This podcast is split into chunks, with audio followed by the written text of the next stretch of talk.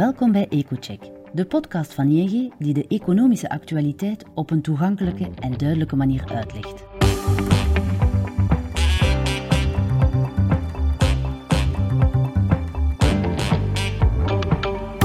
Om de twee weken buigen onze economen zich over de meest besproken gebeurtenis en analyseren zij de economische en financiële gevolgen voor u of uw onderneming. Vandaag is uw gastheer Wouter Thierry, econoom bij ING.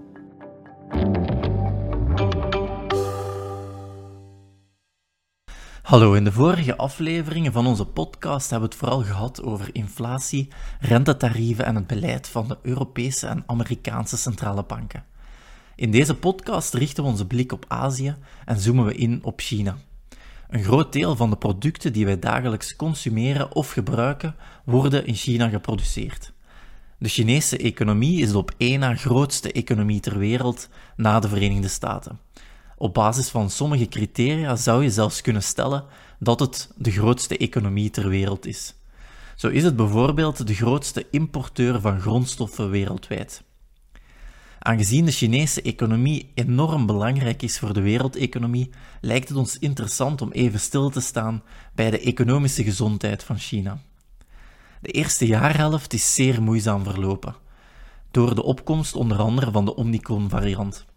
De Chinese overheid hanteert een zeer strikt zero-covid-beleid en legde regelmatig strenge coronabeperkingen op om een verdere verspreiding van het virus tegen te gaan.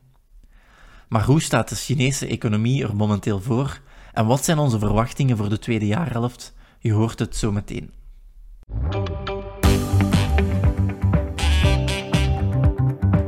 We luisteren naar de analyse van Wouter. De regering heeft daarnaast ook aangekondigd dat ze de quarantaineperiode voor COVID-positieve gevallen gaat verkorten, waardoor besmette personen minder lang in isolatie zullen moeten gaan. Ook gaat ze de frequentie van de COVID-tests laten afhangen van het infectierisico, wat een versoepeling is ten opzichte van begin juni. Het risico op een lockdown is nog steeds reëel, hoewel de kans minder groot is dan in de afgelopen maanden. Tijdens de voorbije harde lockdowns werden de twee belangrijkste motoren van de Chinese economie lamgelegd. Ten eerste werd de consumptie hard getroffen, omdat gezinnen niet meer buiten konden komen tijdens de lockdowns in de grote steden. Anderzijds werd ook de verwerkende industrie zwaar getroffen door al de beperkingen. Arbeiders geraakten niet in de fabrieken en heel wat geïmporteerde onderdelen geraakten niet ter plaatse door de sluiting van de havens. We verwachten dat in de tweede jaarhelft de vraag zich zal herstellen als de COVID-beperkingen verder worden afgebouwd. De detailhandel zal dan opnieuw positieve groeicijfers laten optekenen na een negatieve jaar-op-jaar groei in het tweede kwartaal. Dit zal ook een positief effect hebben op de export, die mee zal profiteren van het herstel van de Chinese markt. Ook de aanvoerketens zullen geleidelijk herstellen nu de Chinese havens opnieuw open zijn, wat de economische groei verder zal ondersteunen.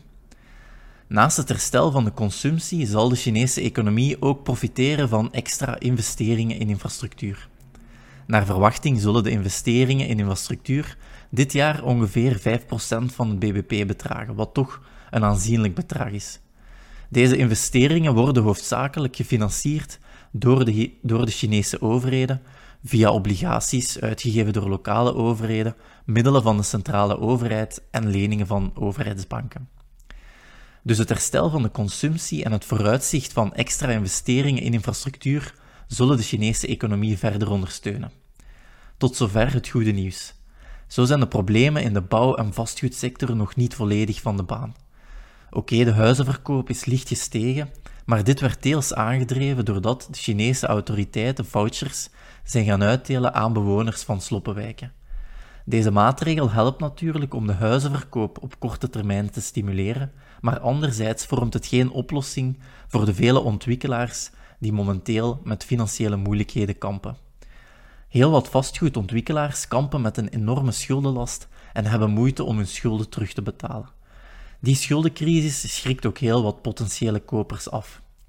Kopers vrezen immers dat zij hun huis nooit voltooid zullen zien of een slechte dienst na verkoop zullen krijgen als ze kopen bij een ontwikkelaar in financiële moeilijkheden. Hierdoor zien heel wat kopers af van hun aankoop, maar hierdoor ja, lopen vastgoedontwikkelaars het risico dat hun situatie verder zal verslechteren.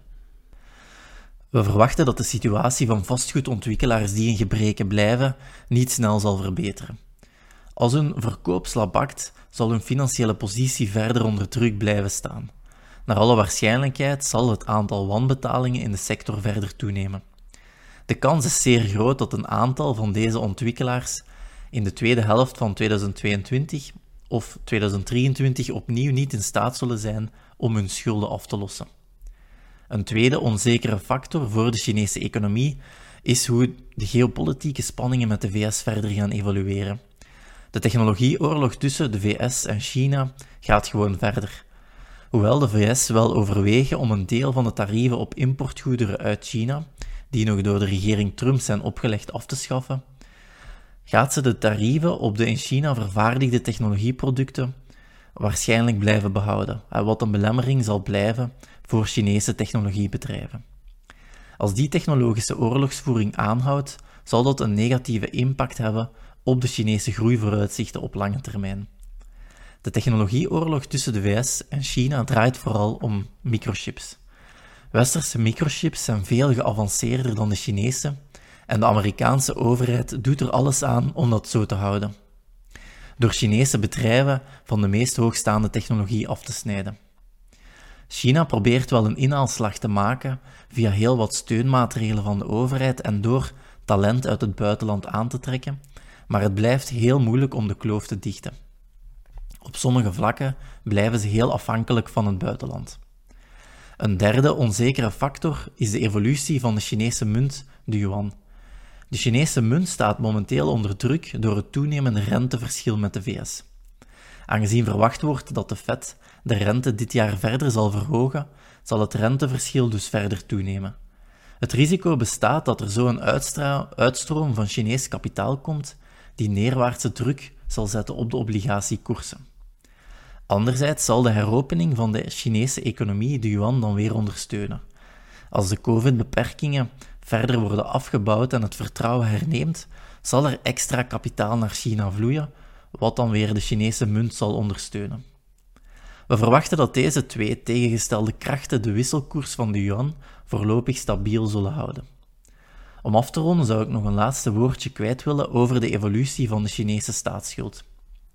Met de nationale schuldgraad onder de 100%, althans volgens de laatste prognoses van het IMF, verwachten we daar niet meteen een groot probleem.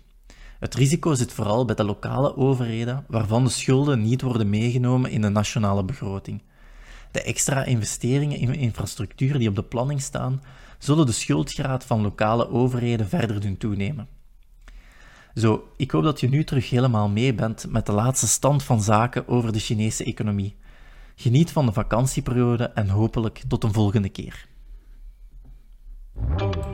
Zo, dit is het voor vandaag. Bedankt om te luisteren naar deze aflevering. Aarzel niet om onze EcoCheck podcast te volgen, zodat u geen enkele aflevering hoeft te missen. Wilt u meer weten over economisch en financieel nieuws? Ga dan naar ing.be-mijn-nieuws en ontdek alle analyses van onze econoom.